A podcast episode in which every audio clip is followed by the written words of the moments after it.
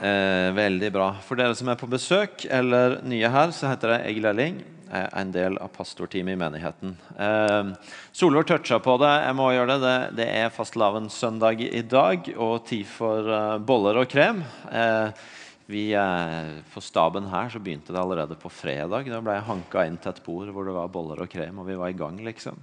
Eh, og Det er jo en rar søndag, fordi at eh, mens du ellers i året, hvis du blir litt for ivrig og litt for har litt for lyst på noen, så er liksom faren at du får en kommentar på at 'å ja, du tar såpass', ja. Eh, mens eh, denne søndagen så er det liksom hvis du tar en anstendig mengde krem, så er det 'hallo, skal du ikke ha mer'? Er liksom, her er det bare å kjøre på, og, eh, og oppmuntring til litt sånn overflod. Eh, og det er jo koselig, eh, og jeg gleder meg til å spise boller i dag òg. Eh, det er jo sånn at eh, Fastelavnssøndag da henger sammen med noe. ikke sant? Det er jo en forløper til den tida i uh, året til kirkas liv som begynner på onsdag, som gjerne er kjent som askeonsdag, som heter fastetida. Som er en tid som for kirka og for kristne har vært brukt i lange lange tider, i mange mange år, til å være en sånn forberedelsestid inn mot påskefeiringa og feiringa av at Jesus sto opp. Han vant over døden, han er den levende. Og uh, her i menigheten så har vi ei uke i løpet av fastetida som er dedikert til, til, til, et sånt felles fokus på bønn og faste. Den kommer om to uker. Begynner mandag 13. mars og varer ut en uke. Men jeg har bare lyst til å, før vi går inn i dagens tema, til å bruke eh, et lite øyeblikk på å slå et lite slag for eh, også fastetida som begynner nå. Eh, og gi den et forslag, i hvert fall en vennlig forslag, om å vurdere å, å være en del av den. For min egen del så har det blitt en sånn kjærkommen del av min egen rytme som en Jesus-etterfølger. Eh, og apropos det Lise innleda lovsangen med, noe som nettopp hjelper meg litt ut av det hverdagslige. Og til å sette litt nytt fokus og, og kanskje få tak i noen nye ting midt i det som gjerne ruller og går. Jeg skal ikke gjøre noe full undervisning om faste, for det er masse en kan si om faste. En veldig enkel måte å snakke om faste på er at det er å si, ja til, nei, si nei til noe for å kunne si ja til noe annet. Du gir avkall på noe i livet ditt for å kunne gi plass til noe annet. Um, og, uh, og, at noe annet skal kunne på en måte få, få en ny og større betydning. Og... Um, og Det betyr at, at, noe av det det handler om å gi rom for fastetida i de drøye 40 dagene fram mot påske fra onsdag av. Det handler om å finne noe en sier at i denne fasen inn mot påske så er det noe jeg velger å si nei til. Det er noe jeg velger å gi slipp på eh, i hverdagen min. Gjerne noe som, som, som koster litt, som, som du merker at det ikke er der, sånn at det henleder oppmerksomheten din på det du skal si ja til, fordi at du merker at noe du er vant til å ha, noe du setter pris på, noe du er glad for, er borte. Det er klart at det, det, det kunne godt gå an å argumentere for at eh, nei, nå skal jeg ta en pause fra konsum, så jeg skal faste fra klesshopping. Eh, hvis jeg gjorde det, så ville det koste meg utrolig lite. Det ville egentlig føles som en lettelse hvis jeg slapp å være med i klesbutikker. Eh, og, og, så jeg kan godt gjøre det, men om det har så mye effekt, det vet jeg ikke. Eh, derimot I fjor så var en av de få tingene jeg valgte å faste fra, det var kaffe. Og En av de første dagene med kaffe Kaffe er for de som hører meg tale ofte de vet at det sånn tilbakevendende tema er at jeg er glad i kaffen min. og særlig morgenkaffen. Eh, og, eh, og, og, En av de første dagene etter at jeg hadde kutta kaffen, så satt jeg eh, sammen med noen. Vi hadde besøk av noen. De satt hjemme hos oss. De fortalte om noe utrolig bra. De hadde vært med på noe kjempespennende, betydningsfullt arbeid som de delte av, og som jeg normalt sett ville være kjempeinteressert i og syntes var spennende å høre om og begeistra for å ha lyst til å oppmuntre dem. Og så oppdaga jeg at jeg satt egentlig der og var sur og tenkte hvorfor sitter dere og gnåler om dette her til meg nå? Hva, har jeg med dette å gjøre? Hvorfor forteller dere dette til meg? Det var indre dialogen min. Og så plutselig skjønner jeg ah, du er sur fordi du ikke har fått kaffe på noen dager. Ehm, og Da begynner du mer å nærme deg noe som, som kanskje koster litt. Da. Poenget mitt er du sier nei til noe. Det kan være noe du er vant til å putte i munnen din, av mat, av drikke, av ting. Det kan være noe som du ofte tyr til for å koble ut. Sosiale medier, Internett, skjermene våre, som ganske mange av oss er ganske bundet til. Serier. Det kan være andre ting som det er en kostnad ved som betyr noe for deg, men som du velger å si det gir jeg slipp på i denne tida for å gi plass til noe annet. Eh, det har i seg sjøl en betydning at du sier nei til noe. Det er jo ofte ikke sånn at det er så veldig motiverende å bare utøve liksom, disiplin for å si nei, nå skal, jeg, nå skal, jeg, holde meg fra det. Veldig Mange av oss trenger litt positiv motivasjon òg. Det skal vi komme til. Men jeg har bare lyst til å si at i seg sjøl er det et poeng for oss som kristne å av og til trene nei-muskelen vår. Trene oss, trene den muskelen som hjelper oss til å si nei når vi trenger det. Fordi Som en Jesus-etterfølger så er det noen situasjoner hvor du faktisk trenger å kunne si nei, sjøl om det koster litt. Noen ganger i møte med fristelser, ting du er i hodet veit du ikke bør eller skal, men som du allikevel andre deler av systemet ditt kjenner veldig dragning mot. Og hvor du trenger å ha øvd litt kanskje på noe som er overkommelig for å kunne si nei. Og andre ganger fordi en del av det å kalle til å følge Jesus handler også om å gi avkall på noe for å bli med han på noe han har kalt deg til. Og Da er i seg sjøl det å ha trent litt på nei-muskelen det har en betydning.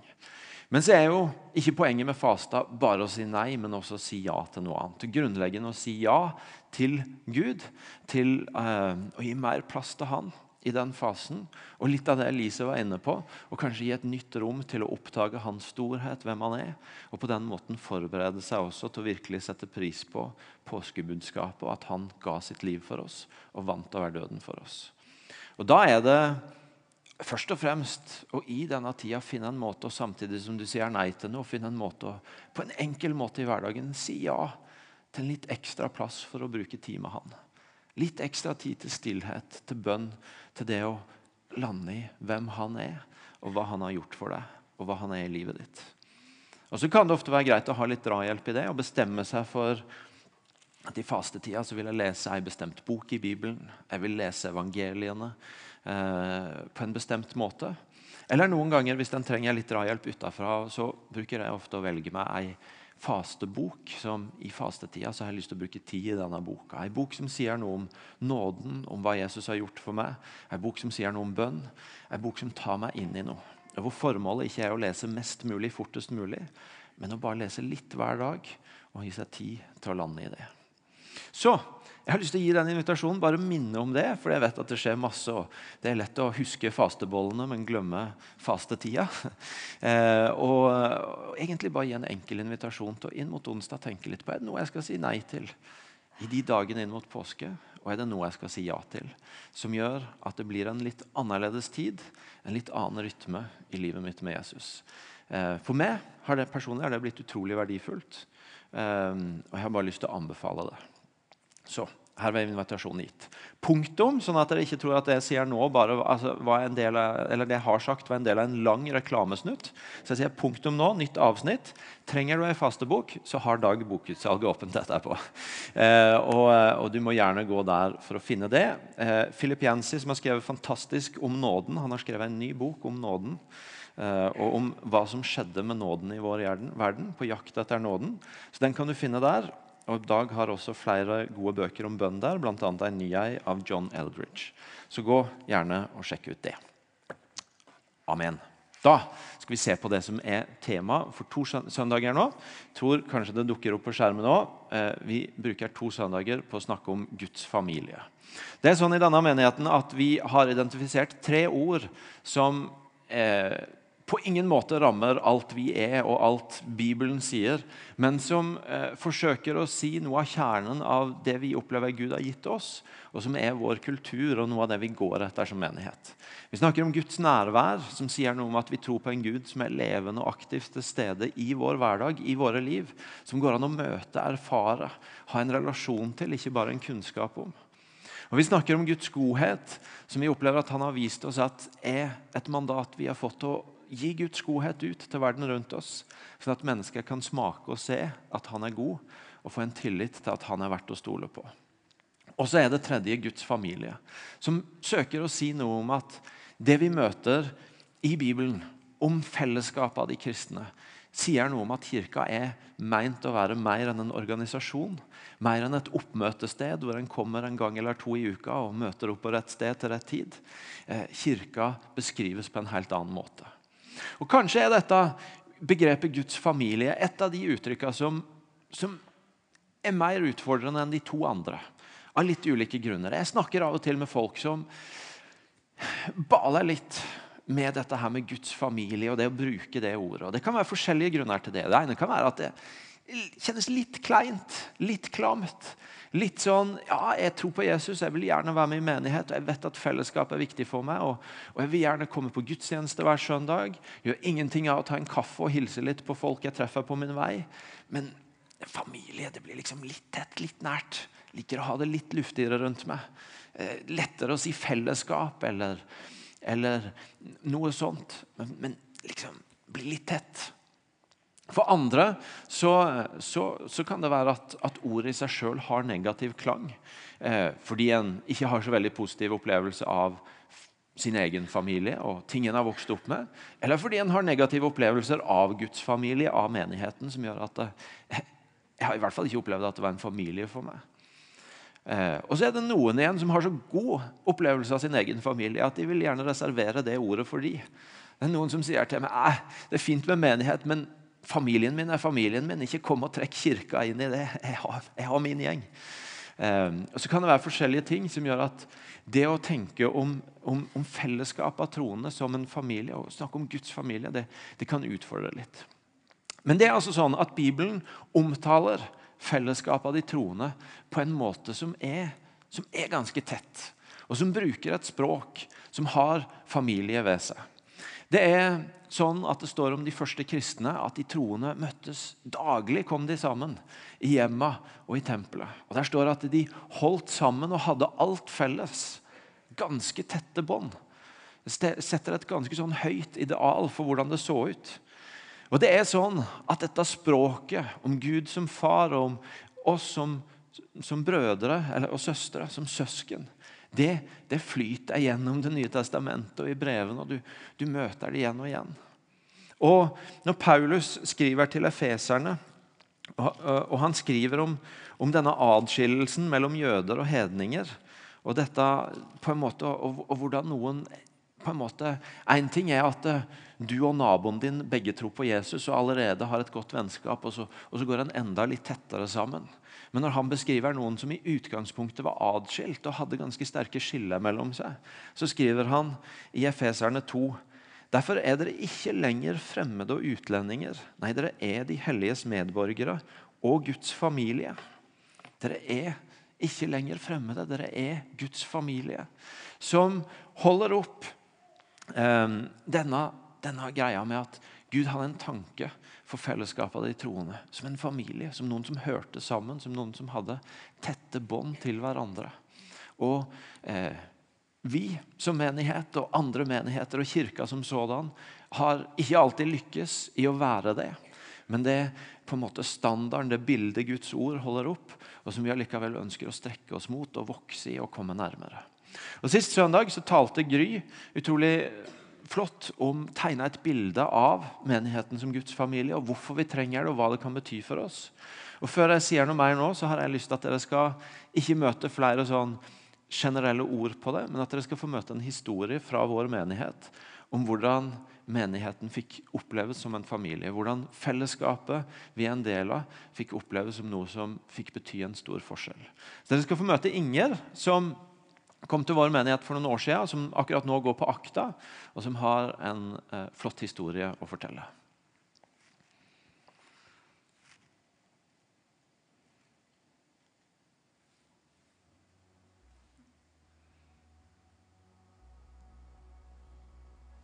Jeg heter Inger Stokkeland. Jeg bor på Ålgård i egen leilighet. Og jeg er 28 år. Jeg har cerebral parese. Eh, den fikk jeg under fødselen. Eh, jeg fikk navlestrenger rundt halsen og mangel på surstoff som gjorde at jeg fikk hjerneskade. Det å komme til menighet med så stor fokus på helbredelse. Jeg, det var jo litt spent på, på hvordan folk ville møte meg. Om de ville springe meg ned og be for meg. Eh, men det opplevde jeg ikke. Jeg opplevde en veldig respekt for den jeg var, og at folk så hjertet mitt og ønska å bli kjent med meg som person. Og anerkjente og gaver som Gud har lagt ned i meg. Når en ble skulle forberedt, så var jeg òg i bl.a. en jobbsammenheng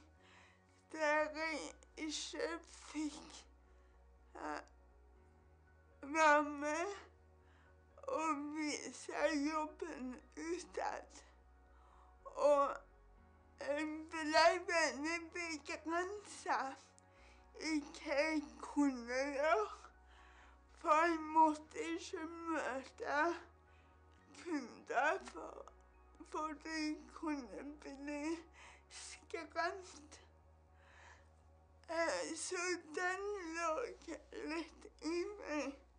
Men å da få komme her og ikke møte noe av sånne fordommer Så det ble et utrolig viktig fristed for meg å kunne begynne i tjeneste, og at folk anerkjente denne gang. Noen ganger er jeg redd for avvisning. Eh, og da kan jeg bli litt reservert. Det, det har en sammenheng med ting som har hendt tidligere. Og, men ikke minst på ekte, så, så belyste Gud et område i, i livet som jeg ikke hadde bearbeida helt ferdig.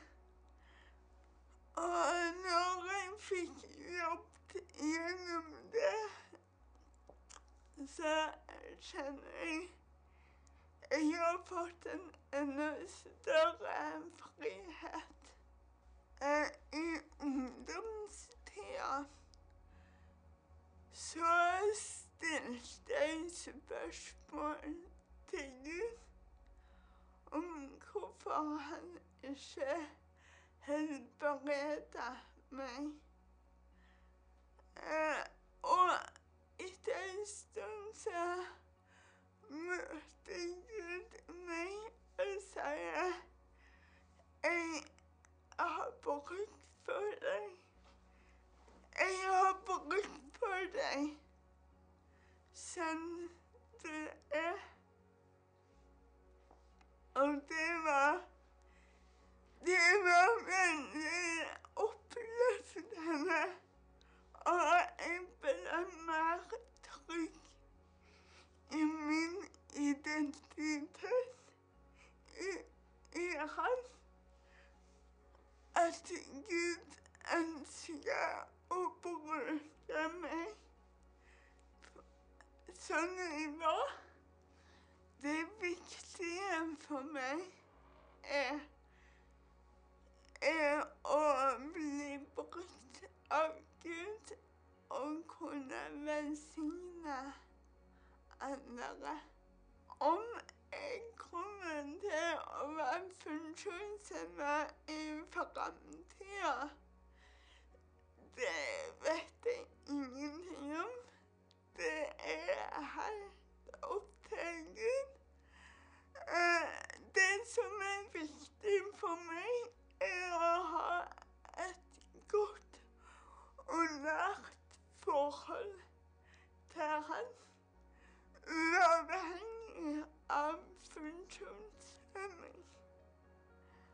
Som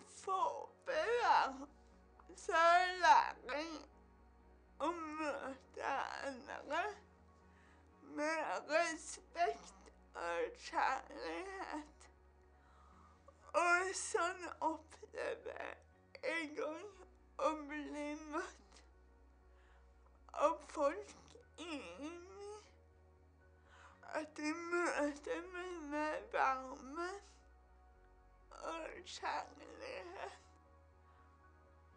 Og, og de ser meg, ikke hun med rullatoren.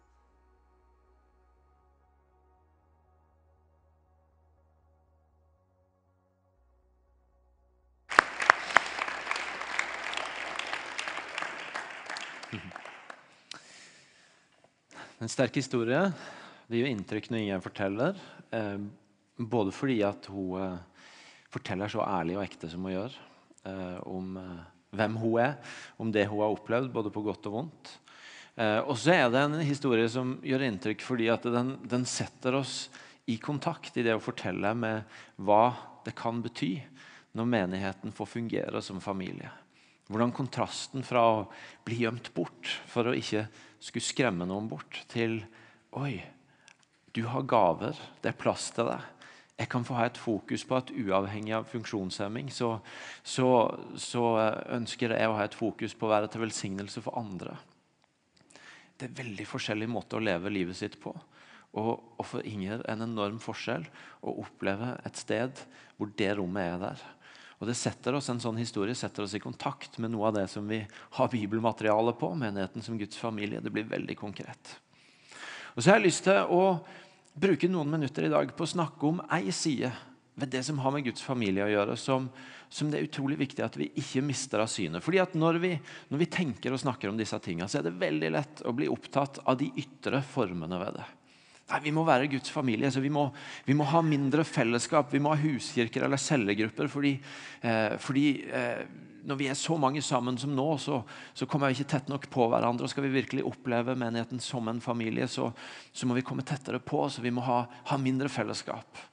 Og eh, skal folk som kommer nye inn, oppleve oppleve at det er godt å komme og at det kan ligne på familie, så må vi, så må vi gjøre noe med måten vi, vi tar imot på. Vi må, vi må, stå og servere kaffe ved inngangen, og vi må, eh, vi må, gjøre sånne ting som kan gjøre at folk får føle seg velkomne. Så videre og. Og, og, mitt poeng i dag bare for å sagt det med en gang, det er ikke å si at de tingene ikke er viktige, for det er de. Og jeg har ingen ønske om å polemisere mot de. Men så er det den andre sida som, som Inger også er inne på i sin historie. Nemlig at ved siden av de ytre tingene så er det noe de ytre rammene ikke kan gjøre, men som trenger å skje på innsida. Som kommer innenfra. Inger snakker om hvordan hun måtte sjøl kjempe med Gud. Om, om, hvem hun var, og hvorfor hun var som hun var. Og så er det noe som lander når han svarer henne. Når han gir henne en trygghet på at å, det er plass til meg som den er. Du er verdifull som den du er. Og så får hun en annen, et annet utgangspunkt for å møte alt det andre. Fordi hun har, har i møte med Gud sjøl fått høre noe som gir henne en trygghet på at hun er verdt noe. Det er noe ved det å være Guds familie som i Guds familie ligger det en forståelse av at vi er sønner og døtre av Gud. At vi har en identitet, en trygghet, at vi ønsker Han, vi er ville Han, vi er elska Han. Vi har en plass som hans sønner og døtre. Som ikke primært skapes av ytre rammer, men som, men som må fødes innenfra i møte med Han. Det var Tore som, som spiller gitar her, som sa på takkegudstjenesten for et par-tre år siden at, at, at, pastoren din kan egentlig ikke fortelle deg hvem du er. Det er det bare Gud som kan gjøre. Og Det er noe med i det med Guds familie som handler om at det er noe som må fødes innenfra òg. Paulus han toucher på det når han i Romerne 8 sier at alle som drives av Guds ånd, er Guds barn. Dere har ikke fått den ånden som slavene har, så dere igjen skulle være redde. Nei, dere har fått den ånden som gir rett til å være Guds barn. Den som gjør at vi roper 'Abba, far'. Ånden sjøl vitner sammen med vår ånd om at vi er Guds barn. Jesus sier til disiplene at det er bra for dere at jeg reiser, for da kan dere få Den hellige ånd, talsmannen, hjelperen, som hjelper dere til å leve det livet jeg har kalt dere til, og til å få tak i det jeg gir dere. Og Så sier Paulus her at noe av det viktige den ånden gjør, det er faktisk at den hjelper oss til å se oss sjøl som barn av Gud far. Den hellige ånd går sammen med oss og minner oss om å ikke, ikke forstå oss sjøl som tjener og ikke innta en, en, annen og mer uviktig, mindre verdifull posisjon i møte med Gud. Men den hjelper oss til å komme inn og si 'pappa', 'far' i møte med Gud. Og på den måten se hvem vi er i møte med Han. Og den erkjennelsen, den tryggheten, den identiteten av at først og fremst så er ikke det alt utafor bekrefter meg som. Men først og fremst så er jeg den Gud sier at jeg er. Den må til syvende og sist i den enkelte av oss fødes innenfra. Fødes av Ånden som hjelper oss til å si 'pappa, far'. Og som hjelper oss til å høre at han sier, som han sa til Ingjerd, 'Du er verdifull. Jeg har bruk for deg som du er'. Vi kan ikke organisere oss fram til det. Det hjelper ikke å lage masse ytre rammer hvis ikke det er også en motor som kommer innenfra, og som og som grunnleggende føder i oss. Åssen er det han ser på oss? Hvilken plass har vi i møte med han? Og så er det sånn at når det skjer, når jeg og du får tak i Å ja, jeg er sønn av Gud. Jeg har min verdi, jeg har min trygghet, jeg har min betydning i denne verden. Ikke primært i alt som kommer til meg utafra, men i hva han sier om meg. Så er det faktisk mulig for meg å gå inn i alle sammenhenger og opptre som en sønn. Og begynne å forme familie rundt meg. Og begynne å være en som former en annen kultur, en annen stemning, en annen forståelse rundt meg. Fordi jeg vet hvem jeg er. Jeg kan gå inn i et rom uten å, uten å, å, å ha som utgangspunkt Nå må jeg få vist, få plassert meg her. Nå må jeg få, få gjort et eller annet som trygger min verdi i dette rommet. Nå må jeg få, få plassert meg. Så kan jeg heller få gå inn og vite at det grunnlaget er at jeg er sønn av far, og egentlig så trenger jeg ingenting. Men jeg kan få gå inn her og tjene andre, de andre i rommet. Og gjennom det begynne å sette en kultur av familie her. Du vet, det, det er veldig lett hvis vi forstår menigheten som Guds familie som ja, nå skal jeg komme inn og se om jeg får litt familie her. Nå skal jeg se hva de leverer til meg hvis, hvis, eh, hvis de kaller seg familie. Hvis du har en gjeng av folk som bare kommer og spør ja, hva kan jeg få ut av dette, så er det ikke mange som får særlig mye. Men hvis du begynner å få folk som kommer inn i et rom som, som har en forståelse av at ah, men jeg er jo sønn av Gud. Jeg hører jo til i Guds familie uansett. Jeg er jo verdifull uansett. Så kan de menneskene gå inn og tjene. De kan gå inn og ha Ingers perspektiv av det som betyr noe for meg, det er jo å velsigne andre. Og så kan en begynne å sette familie rundt seg. Litt uavhengig av setting, uavhengig av form, av struktur, av titler. Av hvem som kalles åndelige mødre og fedre, eller hva det måtte være. Du bærer noe i deg som begynner å sette familie rundt deg. Fantastisk fortelling i første Mosebok om Josef, som, som er på fiendens grunn og i fiendens hender. Og Så trår han inn i noen situasjoner hvor, hvor det er utfordringer som skal løses. Det er folk som har drømt drømmer de ikke forstår.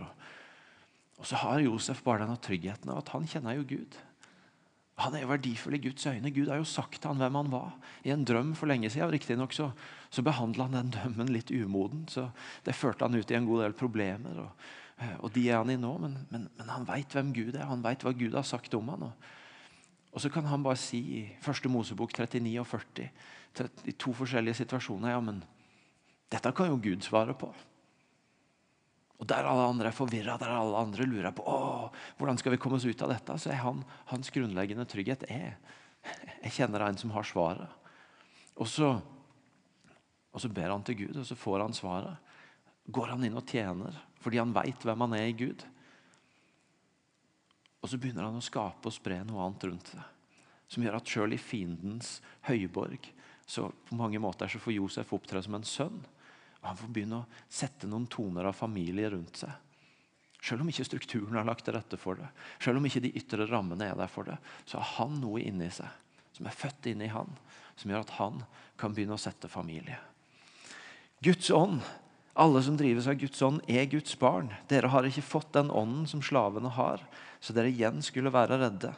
Nei, dere har fått ånden som gir rett til å være Guds barn, den som gjør at vi roper 'Abba, far'.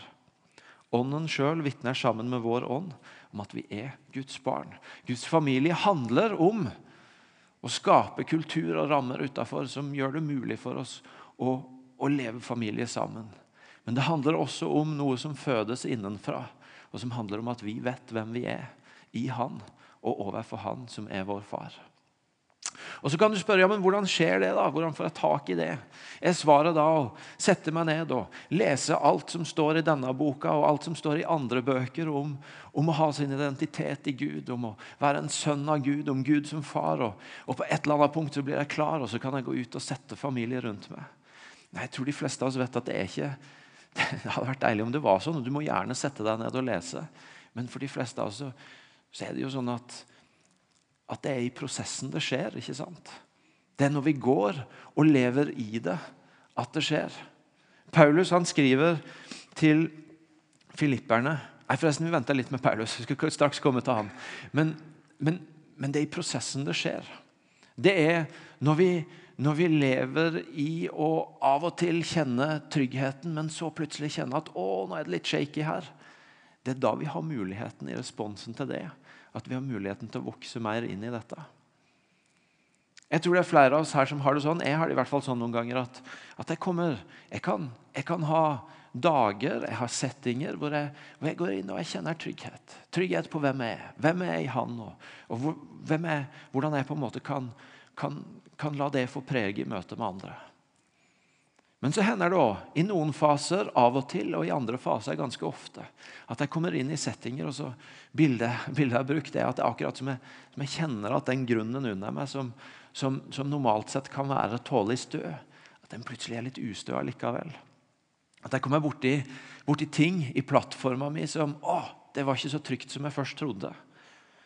Og så, og så er jeg inne i rom og i settinger og i situasjoner hvor, hvor spørsmålet som, som, kommer, i stedet for at jeg tenker jeg vet hvem jeg er, eller ja, selvfølgelig er jeg her, selvfølgelig har jeg noe å bidra med her, så er det mer sånn hvem er egentlig jeg?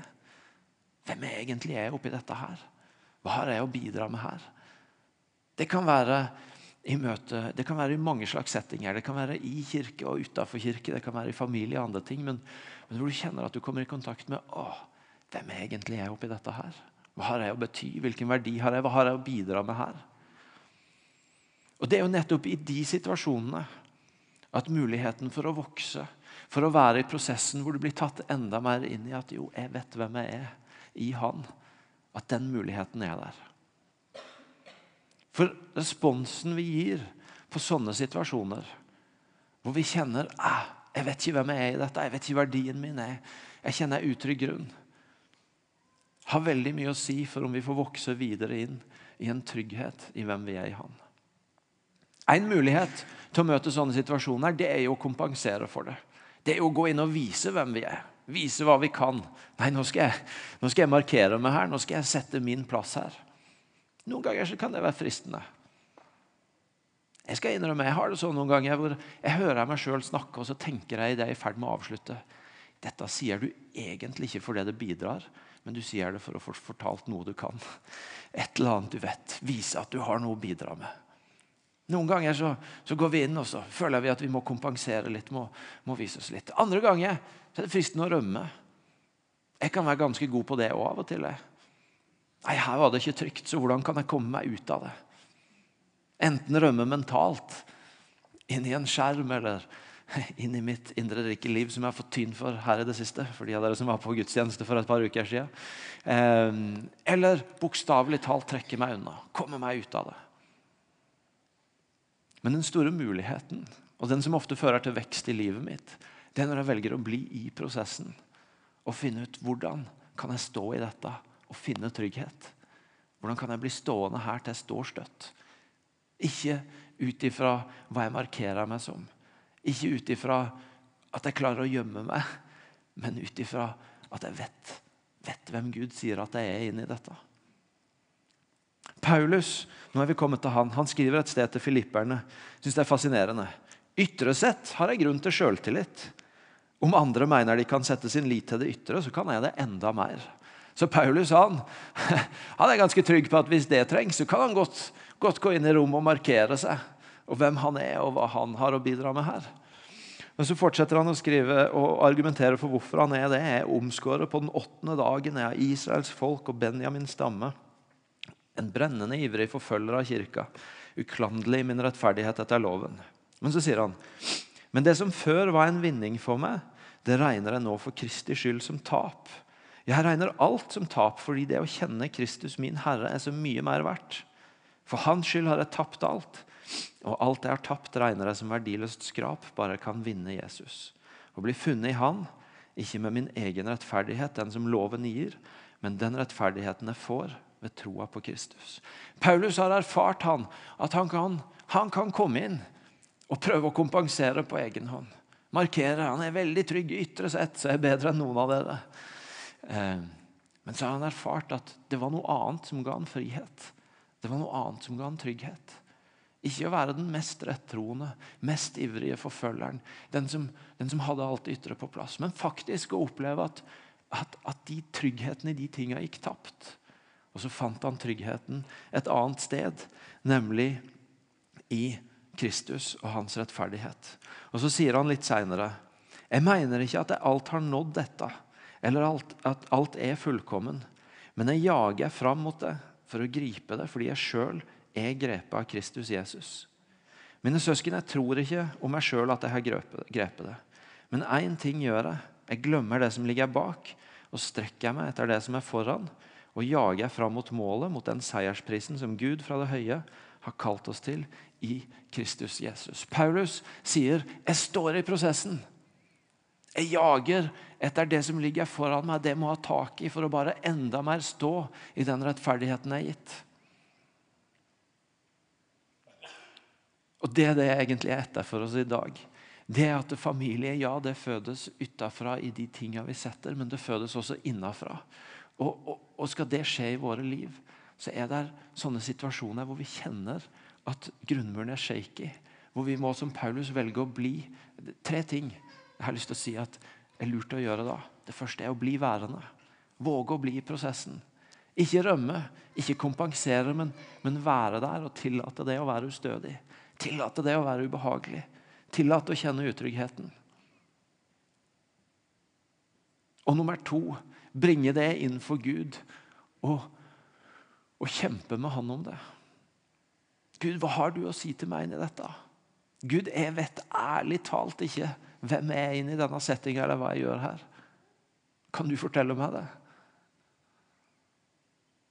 Det aner jeg meg at bak noen få setninger i Ingers vitnesbyrd om at i ungdomstida så, så kjempa hun med ting, så ligger der ikke bare et lite øyeblikk. Men det ligger en del fighting med Gud. For hun hører han si 'Jeg har bruk for deg som du er'. Bli i prosessen. Bringe den fram for Gud og, og jage etter Han. At Han får si det Han har å si til deg. Og Det tredje er å faktisk stille seg åpen og sårbar for det i møte med noen rundt. Og la familien være familie. I form av ikke bare å vente på hva de gjør for deg, eller hvordan de tar deg imot, eller hvordan de stiller opp, men ved å sjøl stille seg åpen og sårbar og si 'Dette kjemper jeg med nå'. I denne settinga kjenner jeg meg utrygg. Jeg kjenner grunnmuren min er ustø. Jeg vet ikke helt hvem jeg er. Jeg vet ikke helt hva jeg betyr her. Jeg strever med å kjenne meg trygg. Og Så får faktisk familien lov til å være familie, Guds familie, fordi at de også blir invitert inn i de situasjonene hvor du kjemper. Hvor du trenger å vokse i den identiteten som familien er meint å gi deg. Nemlig hvem du er, hvilke gaver du har, hva du bærer på, hvilken betydning du har. Inn i denne verden.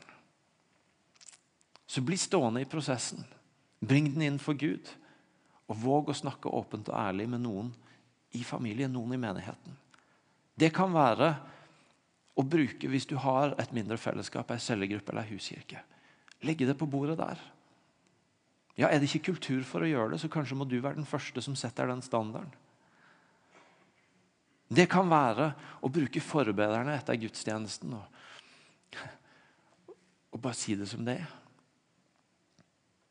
Det kan være å ta samtalen rundt kaffen etterpå ett nivå dypere med noen du kjenner og tenker er trygg nok på dit at jeg våger det. Men familie blir familie når vi lar hverandre bety noe for hverandre. Det er en som har sagt om det kristne fellesskapet at sant kristen fellesskap blir det bare når vi gjør oss avhengige av hverandre. Noen ganger har vi veldig lyst til å ha nære relasjoner og vennskap men med det premisset at vi skal ikke stille oss sårbare, sånn at vi faktisk trenger det. Men min erfaring med ganske mange mennesker er at når, er, når jeg får lov til å bety noe for dem, så tettes og knyttes også bånda. Og Det betyr at det er nettopp når vi gjør oss avhengige av hverandre, når vi stiller oss sårbare overfor hverandre, at vi kommer i en posisjon hvor reelt sant fellesskap, som kan kalles Guds familie, kan formes fordi vi trenger hverandre. Ånden hjelper oss til å si at vi er Guds barn. Jeg og du vi trenger å vokse i en indre erkjennelse av hvem vi er i Han. Og For å gjøre det så er det en invitasjon til å bli værende i det. Til å bringe det fram for Gud og til å stille oss sårbare overfor hverandre. Skal vi reise oss opp og be sammen?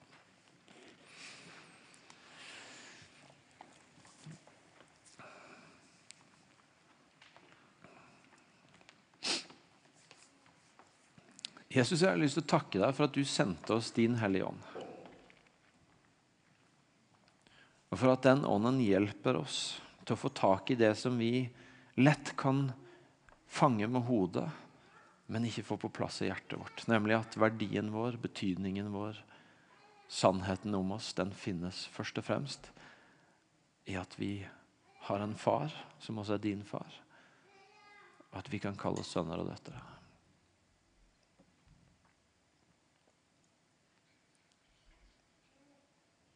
Jeg ber deg om at vi som fellesskap skal få være et sted hvor vi ikke bare har de ytre rammene på plass, men hvor det er et rom for at den indre prosessen av å oppdage hvem en er i du, skjer.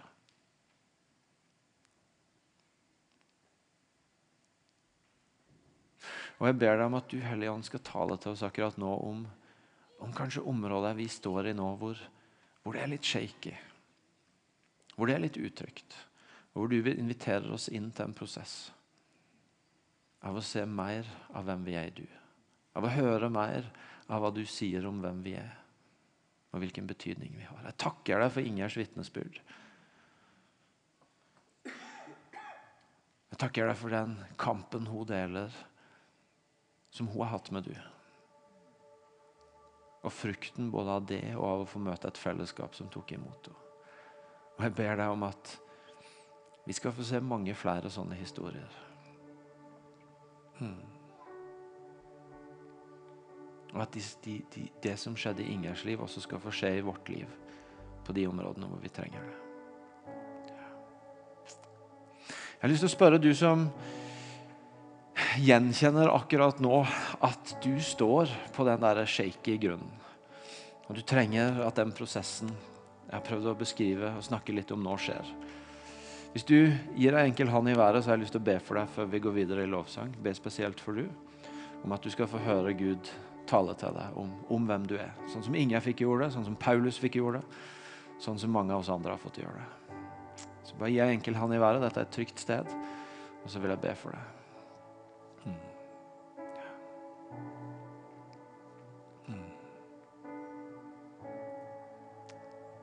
Nydelig. Takk skal dere ha. Mange hender. Jeg skal be for dere. Kjære far, takk for brødre og søstre som, som våger ærligheten på at jeg står, står ustøtt nå.